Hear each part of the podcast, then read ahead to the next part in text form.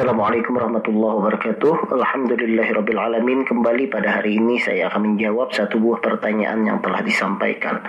Assalamualaikum dokter. Waalaikumsalam warahmatullahi wabarakatuh. Saya mau bertanya tentang peradangan pada ginjal yang disebabkan oleh bakteri atau virus Yang sering disebut dengan pyelonefritis Apakah itu berbahaya? Kemudian Kenapa bisa menyebabkan hal tersebut dan bagaimana cara pengobatannya? Terima kasih atas jawabannya dok dari Ibu Winda. Baik Ibu Winda, terima kasih atas pertanyaannya. Pertanyaan tentang yang namanya pyelonefritis. Baik, pyelonefritis itu dalam bahasa lainnya kita sebut dengan infeksi ginjal. Ya, jadi infeksi ginjal itu adalah salah satu bagian dari infeksi saluran kemih.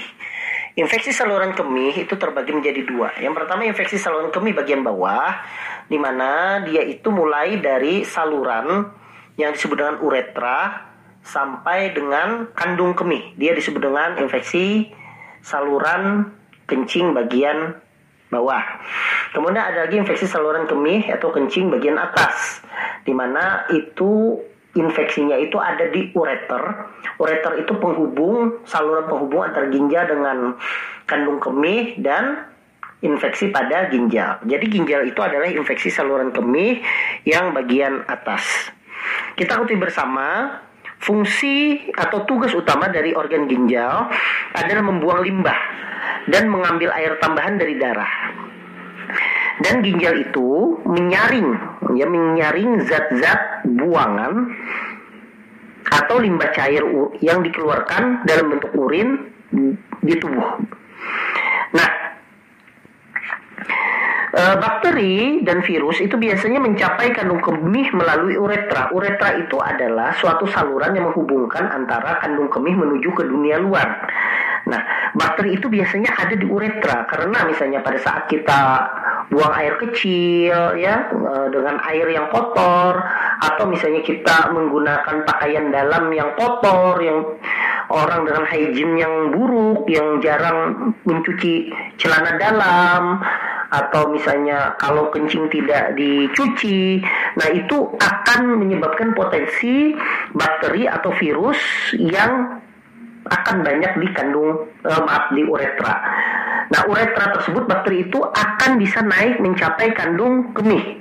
Nah, kalau seandainya kemudian pada saat peradangan itu infeksi tersebut menyebabkan terjadinya fungsi ginjal, bahkan ginjal menjadi meradang dan infeksi, itulah yang disebut dengan pyelonefritis. Walaupun memang pyelonefritis itu cukup jarang ditemukan kasusnya itu dibandingkan dengan infeksi saluran kemih bagian bawah seperti di uretra tadi ataupun di kandung kemih tetapi hal ini tidak menutup kemungkinan terjadi pada setiap orang apalagi seandainya orang tersebut mengalami e, penurunan daya tahan tubuh atau misalnya dalam keadaan sakit sehingga bakteri itu cepat masuk eh, cepat naik sampai ke ginjal. Ini tentunya akan menyebabkan hal yang tidak baik dan ini berpotensi infeksi ini kalau tidak diobati di ginjal dia akan menyebabkan kerusakan ginjal sehingga kalau seandainya infeksi ginjal ini bersifat menetap lama atau kita menyebutnya, menyebutnya dalam pyelonefritis kronik maka dia dapat berujung kepada gagal ginjal. Nah ini menjawab pertanyaan pertama apakah itu berbahaya?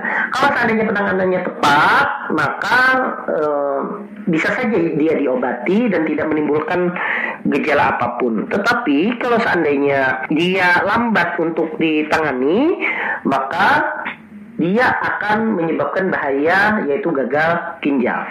Untuk menjawab penyebabnya, saya akan menceritakan dulu bagaimana e, tanda atau gejala dari infeksi ginjal tersebut. Tadi saya sampaikan bahwa infeksi saluran kemih itu terbagi menjadi dua, atas dan bawah. Kalau infeksinya bagian bawah, dia hanya mengenai uretra dan kandung kemih, dia itu lebih banyak gejalanya itu adalah nyeri pada saat buang air kecil, kemudian pada saat kencing terasa panas, kemudian terasa anyang-anyangan. Anyang-anyangan itu istilahnya setelah buang air kecil, beberapa menit kemudian seperti pengen buang air kecil lagi. Nah itu adalah anyang-anyangan. Kemudian urin terlihat agak keruh ataupun mungkin berbau tidak enak dan uh, dalam beberapa kasus kadang terasa nyeri pada bagian perut bagian bawah. Nah kalau seandainya uh, sudah sampai ke ginjal atau pielonefritis maka gejalanya itu akan menjadi sistemik akan menyeluruh.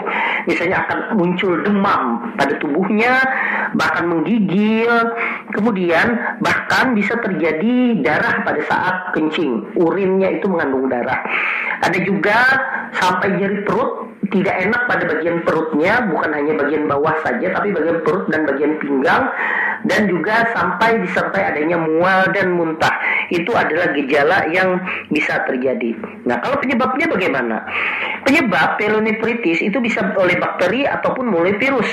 Yang terutama bakteri dan virus itu menginfeksi urin dan akhirnya mencapai ginjal melalui melalui ureter. Ureter itu adalah saluran yang membawa air kencing dari ginjal menuju ke kandung kemih.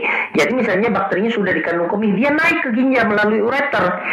Kemudian setelah itu dia bisa infiltrasi atau masuk ke dalam darah dan akhirnya dia akan berkembang biak dan menyebabkan infeksi pada seseorang. Menurut beberapa teori yang pernah dibaca bahwa bakteri yang paling sering itu adalah bakteri E. coli. E. coli inilah yang menyebabkan seseorang menjadi infeksi saluran kemih.